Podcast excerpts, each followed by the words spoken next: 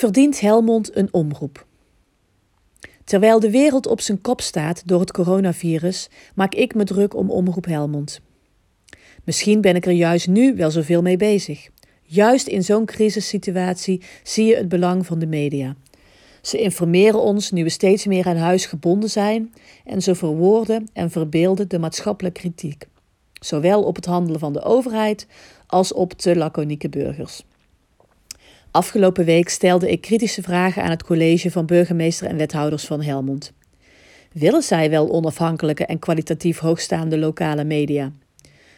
Misschien zou dan ook een deel van het omvangrijke gemeentelijke communicatiebudget daaraan besteed moeten worden, dat nu vooral een PR-functie heeft.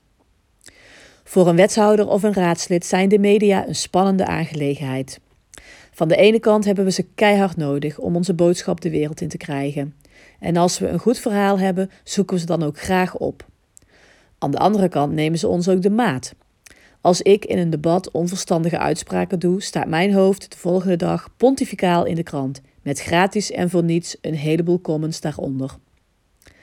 En we kunnen ons allemaal de rapportcijfers nog herinneren die het Eindhovens Dagblad uitdeelde aan eerdere colleges van burgemeester en wethouders. Als politicus voel je je dan heel kwetsbaar. Maar we worden er ook beter van. De media houden ons scherp en daardoor functioneren we beter. Net zoals iedereen zijn werk beter doet als er toezicht op is.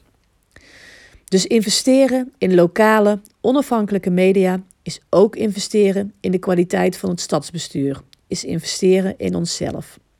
En als je niet bereid bent dat goed te doen, doe het dan beter helemaal niet. Dit allemaal gezegd hebbende, wil ik ook Omroep Helmond een schop onder de kont geven. Want zij zijn bepaald niet met hun tijd meegegaan. Als ik in mijn omgeving over de omroep begin, hoor ik vooral de volgende termen terug: ingeslapen, ouderwets, niet urgent en vooral saai. Willen jullie er weer toe doen? Durf dan drastisch te vernoemen, vernieuwen.